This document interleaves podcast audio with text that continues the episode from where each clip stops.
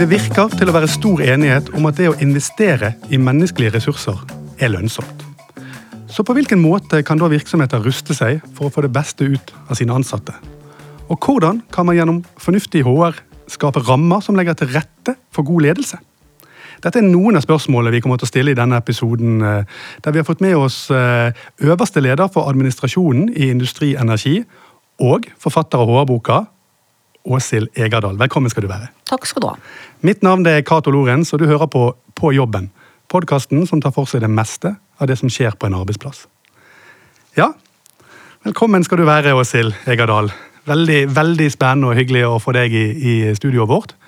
Eh, I dag sier jeg nå innledningsvis vi skal prate litt om, vi skal prate om ledelse, vi skal prate om HR, og vi skal komme tilbake hva, hva det er for noe, for de som ikke vet det. For det er vel en del der ute som kanskje ikke vet det. Ja, det vil jeg tro. Ja, Men, eh, men jeg må si litt mer om deg. For du, eh, jeg sier at nå er du øverste leder for administrasjonen i Industri Energi, og det er en ganske ny jobb for deg, det? Ja.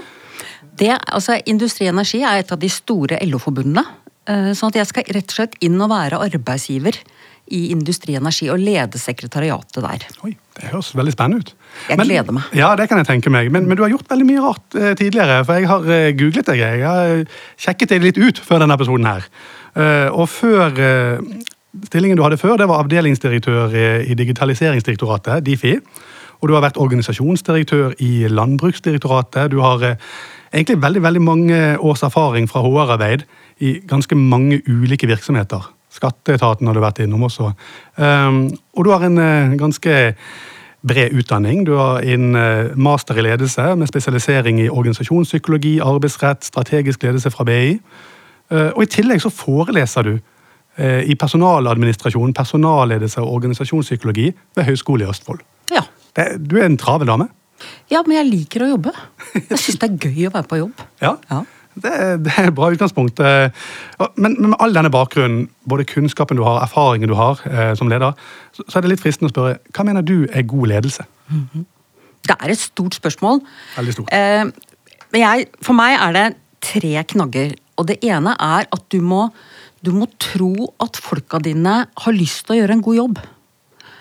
Eh, og så mener jeg at Eh, det å, det å, vise retning, altså det å gi, skape mening på hvor er det vi skal hen, hvorfor fins denne organisasjonen, og hvor er det vi skal hen? Hva er, hva er, vårt mål? Hva er eksistensberettigelsen?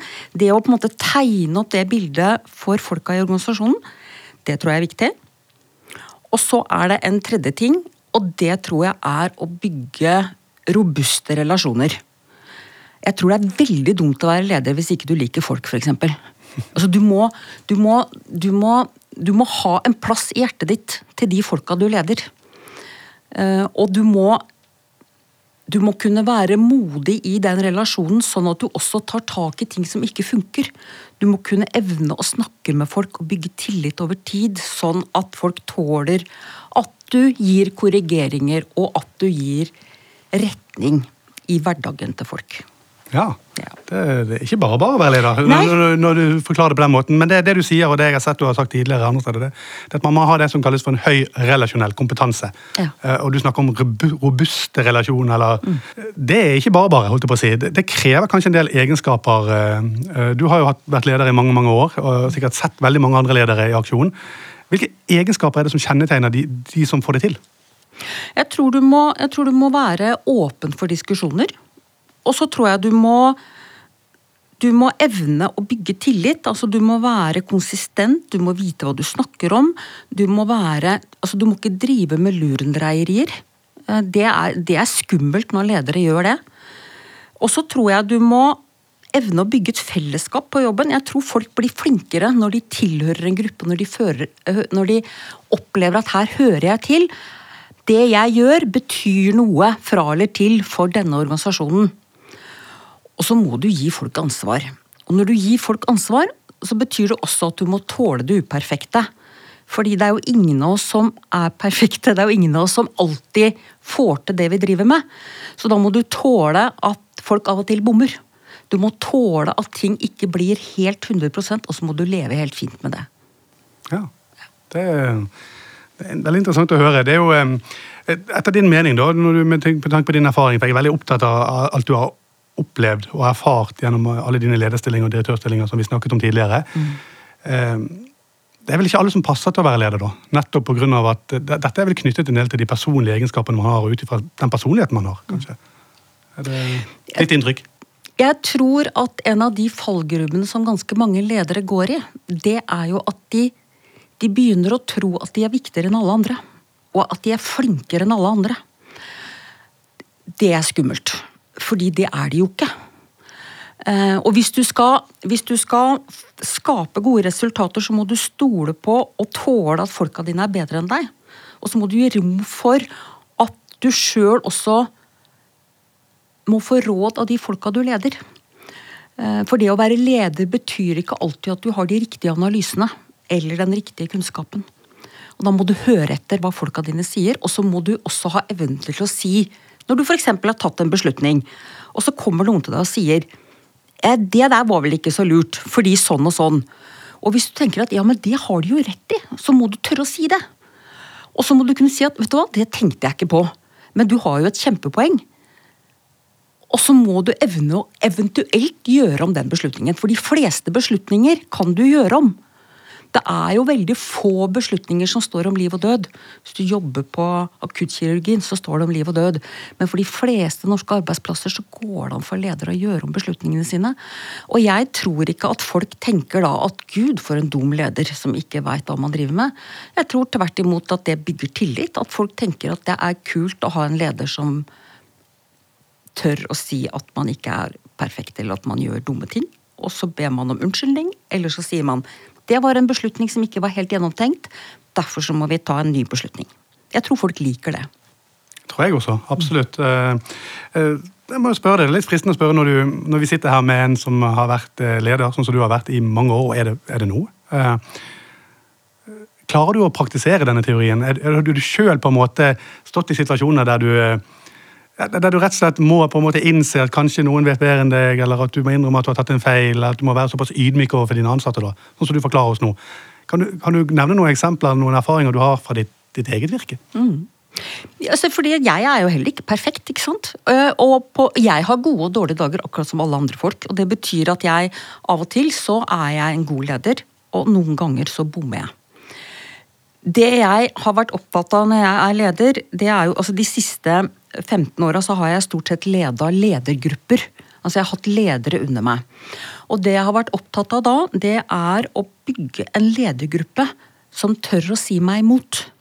Som tør å si eh, 'Egerdal, nå går du for fort fram'. Eller 'nå har du ikke tenkt på'. Og som tør å, tør å gå inn og diskutere før beslutningene tas. Um, og så er det jo en, da en kunst for meg å holde kjeft når folk diskuterer. Og ikke legge føringer for tidlig.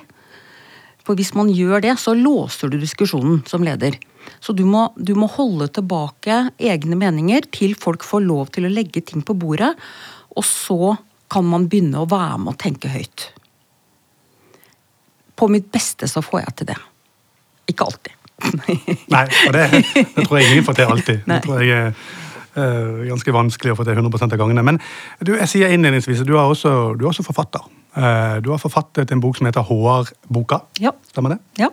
Vil jeg egentlig kalle den HR-boken, siden jeg er fra Bergen, men den heter ikke det. Den heter HR-boka. Ja.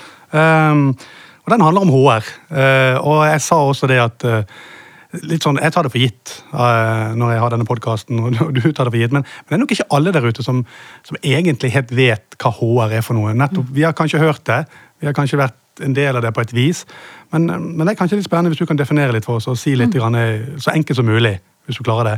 Hva, hva er HR? Min definisjon på HR det er at HR det betyr å planlegge og anskaffe og utvikle medarbeidere på jobben og å avvikle arbeidsforhold når det er nødvendig.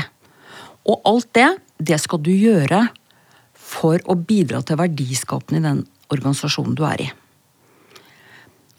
Og så er jeg opptatt av én ting til knytta til HR, og det er at jeg tenker at HR som funksjon og ledere må huske på at det å behandle folk ordentlig, det har en egenverdi.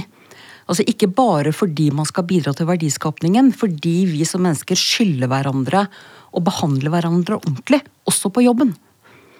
Og det tenker jeg er en viktig oppgave at HR ivaretar. Hmm. Uh, du har jo vært en del av en del HR-avdelinger og jobbet med HR i mange år. Uh, det, det, jeg opplever, er at man ofte, og det har jeg lest, da, at man snakker om type hard HR, mm. myk HR.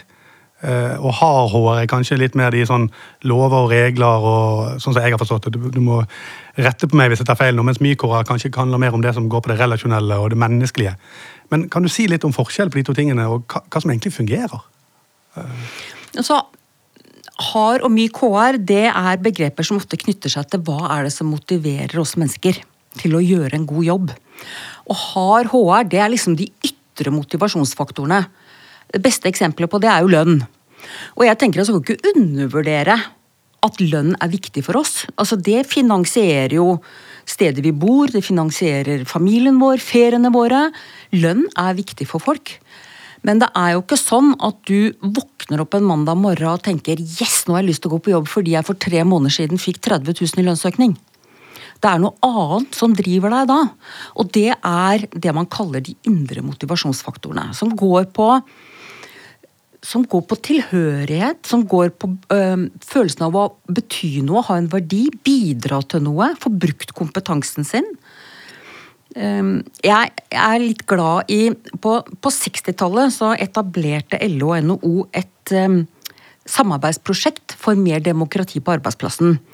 Thorsrud og Emry var to forskere som ble engasjert inn der. og De utvikla noen psykologiske jobbkrav som jeg syns fortsatt bærer seg. De psykologiske jobbkravene de er jo knytta til behovet for å ha variasjon på jobben, muligheten til å utvikle seg, være med å påvirke. Og hele Alle disse kravene de ligger jo også til grunn for hele arbeidsmiljøloven. Så de kravene som til, stilles til arbeidsgivers omsorgsplikt og forpliktelse til å ha et forsvarlig arbeidsmiljø for folk, det bygger på de psykologiske jobbkravene.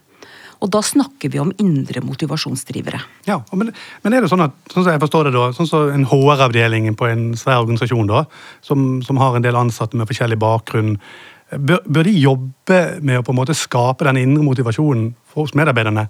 For det, det, er vel ikke helt sånn alle steder? Det er vel gjerne mye hard HR og veldig mye lønn, veldig mye uh, rettigheter og spilleregler i arbeidslivet, mye juss i det. Og det, det, er sikkert viktig, kjempeviktig, det òg. Men er man god nok til å jobbe med den type myk HR og skape entusiasme, indre motivasjon hos medarbeiderne fra et HR-perspektiv? Syns du det? Har du noe erfaring med det? Ja, altså, jeg tror jo det som er Jeg tror det er viktig å ha orden på forvaltningen av personalet. Altså lønn, pensjon, eh, sykepenger. Alt dette her, det må være i orden. For hvis ikke det er i orden, så blir man en uprofesjonell arbeidsgiver, og det skaper uro. Da blir folk demotivert. Man kan kalle det form for hygienefaktorer. Mens det som, det som dreier seg om å, å jobbe for at organisasjonen tar inn over seg hvordan man utvikler folk til å yte best mulig det er et HR-spørsmål, men det er i aller høyeste grad et ledelsesspørsmål. Og jeg tenker jo at det er, det er lederne som er arbeidsgivere. HR eh, er en støtte for arbeidsgivere, men det er lederne som på en måte må lede folka sine. Jeg skjønner det. Og det er nettopp denne her koblingen her mellom HR og ledelse som jeg er litt ute etter å, å dvele litt med. For det er nettopp at jeg kanskje ikke helt ser den uh, eh, godt nok sjøl. For ofte har man en toppledelse som på en måte er ansvarlig for hvordan man ruster HR-avdelingen.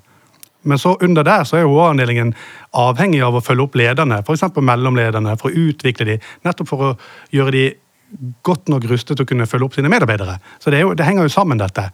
Så jeg tenker, hvordan syns du på best mulig HR-avdelingen i en, en organisasjon da, bør jobbe med god ledelse? Hvordan kan de på en måte hjelpe til at lederne får rom til å lede på en god måte? Hvis du skjønte det spørsmålet? Ja, ja. og da tenker jeg det er flere ting. Det ene er, som jeg sa i stad, ha orden i boet. Ha orden i personalforvaltningen. For hvis ikke det er orden der, så treffer det lederne. Da blir folk eh, urolige, og da går det utover lederne. Så orden i boet er viktig. Så tror jeg også det er sånn at det Altså, HR må må faktisk være til hjelp for lederne. Altså Lederne må oppleve at HR har en verdi for dem. Og en av de tingene som er krevende med å være leder, det er jo å håndtere vanskelige personalsaker. Altså håndtere folk når ting går på tverke. Og det er jo ikke alltid like lett å vite hvordan man skal håndtere det. For det er liksom ikke, det er jo ikke som et mattestykke med et, et riktig svar med to streker under. Det er, det er veldig mye prosess, og det er ulike perspektiver man skal prøve å ivareta når man skal jobbe med den type saker. Når lederne står i sånne situasjoner. Jeg tror det er kjempeviktig at HR da er en god diskusjonspartner. Og da må HR for det første kunne arbeidsretten sin. De må, de må de må sikre at man gjør ting ordentlig og etter boka. Og så må de ha kompetanse om mennesker og hvordan vi folk fungerer. De må ha kompetanse på konflikthåndtering. Og ikke for å ta over jobbinga med den personalsaken, fordi det kan aldri, eller det må ikke HR gjøre. Det er lederen som må håndtere det. Men det er en ganske ensom jobb. Og det blir mindre ensomt hvis HR hjelper lederen. Mm. Ja. Uh, en annen ting jeg har lyst til å spørre deg om, det er jo, vi, snakket mye om ledelse innledningsvis, og alt henger sammen her. men, men og Vi har hørt hva du mener er god ledelse, og det har vi også hørt i podkasten her før. og Vi, vi mye, bruker mye tid på, på, å prate om de egenskapene og den, det som fungerer for å drive god ledelse. Men, men så har det slått meg, og, og det klarer jeg ikke helt å slå fra med den tanken. det er Sier noen ansetter en, en, leder, og de har alle de kvalitetene og de har den kunnskapen som skal til, men organisasjonen på en måte ikke tillater Han er ikke bygd opp på den måten at du faktisk får rom til å drive god ledelse. Hvis du, hvis, du, skjønner det poenget. Hvis du hele tiden må fly i møter, for eksempel, eller hele tiden bruker all kraften din på det administrative, hvordan skal man da ha tid, selv om man er flink relasjonelt, å følge opp medarbeiderne sine, se de, gi gode tilbakemeldinger? For det, det, er ganske mange krav knyttet til kanskje spesielt mellomlederrollen eh, og en del andre lederroller, til at de skal gjøre ganske mye. Eh, så Det er nesten så det ikke betyr noe at du er god på det relasjonelle, for du har ikke tid til det. Hvordan kan man løse den floken? For det, det er en veldig vanlig ting der ute. Jeg tror, er, jeg tror mange ledere sliter med det. Og jeg tror veldig mange ledere opplever at de er i skvis. De får forventninger fra alle kanter, og som ikke går i hop eh, bestandig. Men så tror jeg også noen ganger at vi som er ledere, av og til glemmer hvor enkelt ledelse er. Altså at vi har en tendens til å gjøre det litt mer komplisert. Uh, og det å Forklar litt det. Ta oss med på hva mener du med det. Fordi du, det, det, er enkelt, men samtidig så er det ganske mye. Eh, handler det om å ta det handlingsrommet som ligger der? da? For Ofte snakker man om leder sin handlingsrom. At de må utnytte de mulighetene som ligger i det å være leder. Er det det du tenker på? Ja, de må være trygge på handlingsrommet, men jeg tenker jo også at veldig mye altså hvis du, altså Noe av vitsen med det å være leder, det er jo at du skal være med å skape noen resultater. Ikke sant? At organisasjonen din skal levere noe som er bra. Enten for eierne, eller for samfunnet, eh, eller for brukerne sine. Ehm, og det å huske på at det viktigste verktøyet du har da, det er ikke flytdiagrammer, det er ikke, det er ikke rapporteringsrutinene, men det er de folka du skal lede. Og hvordan får du de folka til å Altså både hvordan gir du de det ansvaret, og hvordan tar de det ansvaret som ligger i det å skape resultater. Og jeg tror noen ganger at ledere gjør det der litt for komplisert. Um, jeg tror jo folk i utgangspunktet har lyst til å gjøre en god jobb, f.eks. Jeg tror ikke folk, det er, det er veldig få av oss som går på jobben og tenker at man har lyst til å ikke bidra. Mens hvis vi som ledere glemmer at folk klarer å ta det ansvaret, så begynner vi kanskje å kontrollere, vi begynner kanskje å gå etter. Vi begynner kanskje å be om tilbakemeldinger litt for ofte. Vi begynner å liksom ha evalueringsskjemaer og Excel-ark for å finne ut av om ting er i rute og at folk gjør det de skal.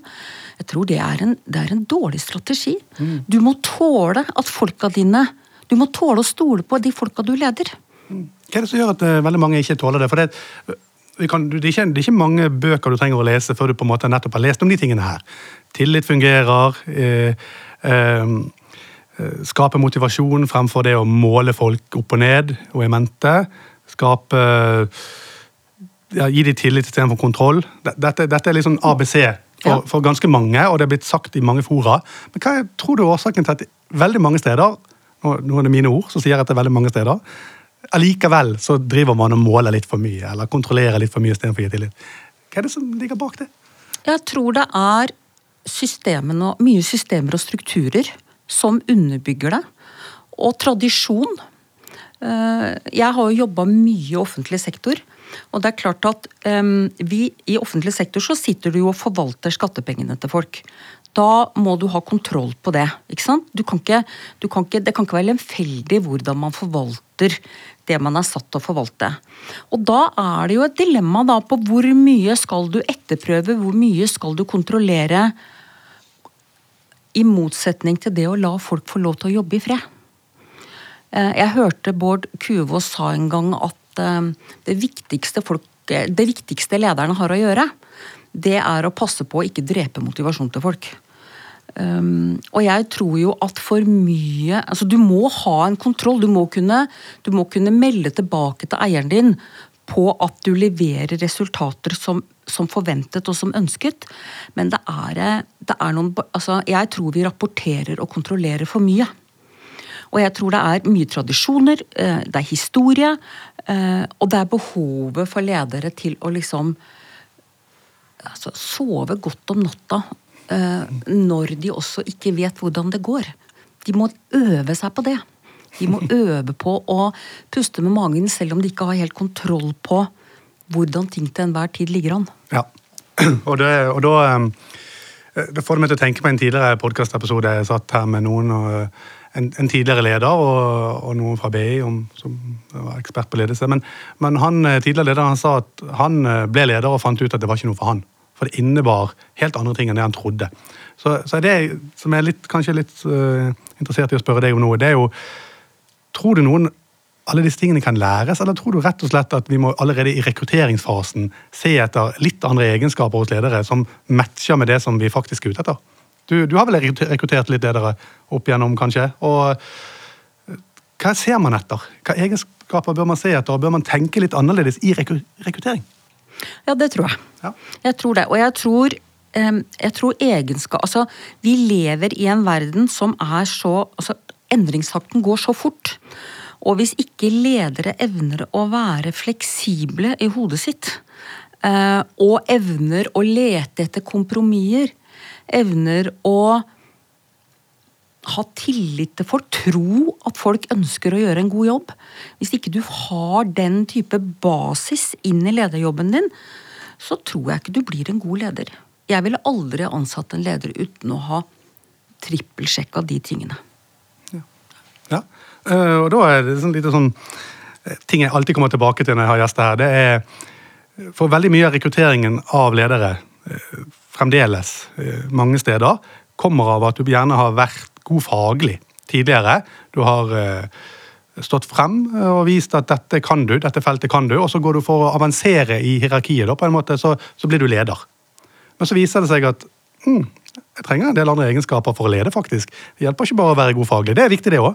Og noen steder er det faktisk det viktigste, men veldig mange steder så handler nettopp det relasjonelle og å være god på det enda mer. Det betyr enda mer. Og så får de kanskje et lite sjokk fordi det viser seg at det ikke er match. Men, men da burde det kanskje vært sånn at det burde også vært litt mer status å kunne avansere også når du er faglig flink, uten å nødvendigvis bli leder. Eh, Er det noen tanker du har gjort deg? Helt klart. Og jeg tror jo at det er vi altfor dårlige til. Eh, og så tenker jeg jo også at de som kommer inn i lederjobb, som blir rekruttert fordi de er faglig dyktige, og så kommer inn i en lederjobb, og så merker de at ah, dette funker dårlig. Dette er ikke, jeg, jeg har det ikke bra på jobb når jeg er leder. De personene som tenker det, og som tar konsekvensen av det, og som utviser så stort mot at de sier nettopp det. Dette, dette funker dårlig. Jeg ser at jeg er ingen god leder. Jeg må tilbake og jobbe med faget mitt. Det, altså jeg, jeg tror på en måte at vi skal lage noen sånne suksesshistorier. Jeg tror de er viktige. Uh, ja. Ja. Uh, andre steder jeg har sett det, så sier du også denne eh, Det begynner med denne selvinnsikten. Man må kjenne seg sjøl godt for å være en god leder. Man må skjønne sine begrensninger og sine styrker. Eh, det høres jo veldig fornuftig og klokt ut. Eh, jeg er litt interessert med din erfaring. Da, da er jeg litt tilbake inn til hva du har gjort. Har, har du endret deg sjøl som leder gjennom dine erfaringer og gjennom å få økt selvinnsikt? Eh, er det noe du på en måte har du, du har vært leder i mange år. Har du på en måte lært å endre deg? Å Å ja, mye. Ja. Jeg har endra meg mye. Har du noen eksempler på noe som kan være interessant for lytterne? Jeg tror jo nettopp det der min evne til å ikke ha kontroll, den er mye, mye bedre nå enn da jeg var yngre og var leder.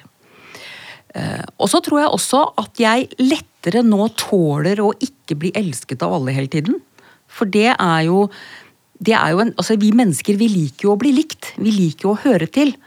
Eh, men noen ganger så må man faktisk som leder tåle å ta upopulære beslutninger eller å si ting som gjør at eh, folk rundt deg reagerer. Og det må du tåle å leve med. Ja. ja. Og så sett at du har sagt at og det hadde jeg lyst til å ta opp med deg her, det er liksom å behandle medarbeiderne dine med vennlighet og respekt. Det er veldig enkelt, men ofte undervurdert. Kan, kan det kokes ned til noe så enkelt òg? At du bare respekterer og viser verdighet overfor de du mm. er leder for? Ja, det tror jeg. Mm. Det jo... En av de tingene som jeg altså forteller en historie. Når jeg, En av mine første lederjobber, da had, lagde jeg meg en rutine, og jeg vet ikke helt hvorfor jeg lagde den rutinen, men jeg gikk rundt i kontorlokalene hver morgen, og så sa jeg morgen til folk. Uh, og da fikk jeg jo med meg mye. ikke sant? Altså Hva folk var opptatt av. Noen fortalte meg ting. Jeg snappa opp hvem som ikke var helt i slaget. Jeg, jeg, jeg skanna på en måte folk i organisasjonen. Det var ikke alltid at jeg gjorde noe med det. fordi at som leder så kan du jo se ting, og så tenker du at det, har, det er ikke mitt bord. Eh, men det gjorde at jeg fikk en jeg fikk en forståelse av de folka jeg satt og leda. Og det som var en veldig sånn sterk bieffekt, det var jo at folk elska jo at jeg gikk rundt og sa morgen. Altså Det skulle ikke mer til enn at jeg sa hei. Så følte at folk at de hadde blitt sett. Og så tenkte de at jeg var en god leder. Ikke sant? Jeg sa morgen. Jeg var god leder. Og jeg var ikke bare en god leder på den tida, men, men det Jeg tror ikke det skal så mye til før folk uh, har lyst til å bidra. Ja, Det er interessant å høre. Uh, du, Vi begynner å gå mot slutten. Tiden, tiden flyr, som jeg alltid sier.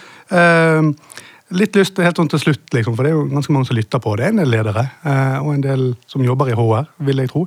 har du noen råd til de til ledere, til HR-medarbeidere, HR hva er det de viktigste de kan jobbe med, tenker du, sånn avslutningsvis, for å lykkes med å skape en organisasjon, som, organisasjon som da er, er, lønnsom? Hvordan kan på en måte HR og ledelse skape lønnsomhet? Hva bør de ta tak i da? Mange ting, selvfølgelig, men hva syns du er viktigst? Ja, Det er et stort spørsmål, men jeg tenker jo at for, for HR så er det hvis, altså HR må, må ha en verdi i organisasjonen de må bidra til noe. Og hvis de skal bidra til noe, så må de forstå forretningen. De må forstå samfunnsoppdraget, og de må forstå den organisasjonen de leder. Og så må de sikre at det de gjør på HR-området, ikke er en belastning for organisasjonen, men til hjelp. Det fins ganske mange organisasjoner og HR-enheter som lager seg svære prosedyrer og rutiner og prosesser som alle opplever som et hassle da bør HR egentlig slutte med det. Fordi da er det ikke til hjelp. Og så er jeg jo tilbake til kjepphesten min da, med, med, ledelse. Jeg tror jo at å ha tro på folka sine, øh, vise retning, men la folk få lov til å jobbe og ta ansvar. Da tror jeg du får til mer. Tro på folka dine, sier eh, Åshild Egerdal. Tusen takk for at du var med oss i denne episoden. Eh, mitt navn er Cato Loren, som er med som produsent har jeg hatt eh, Eirik Stordrange. På jobben er tilbake om noen uker. Vi høres.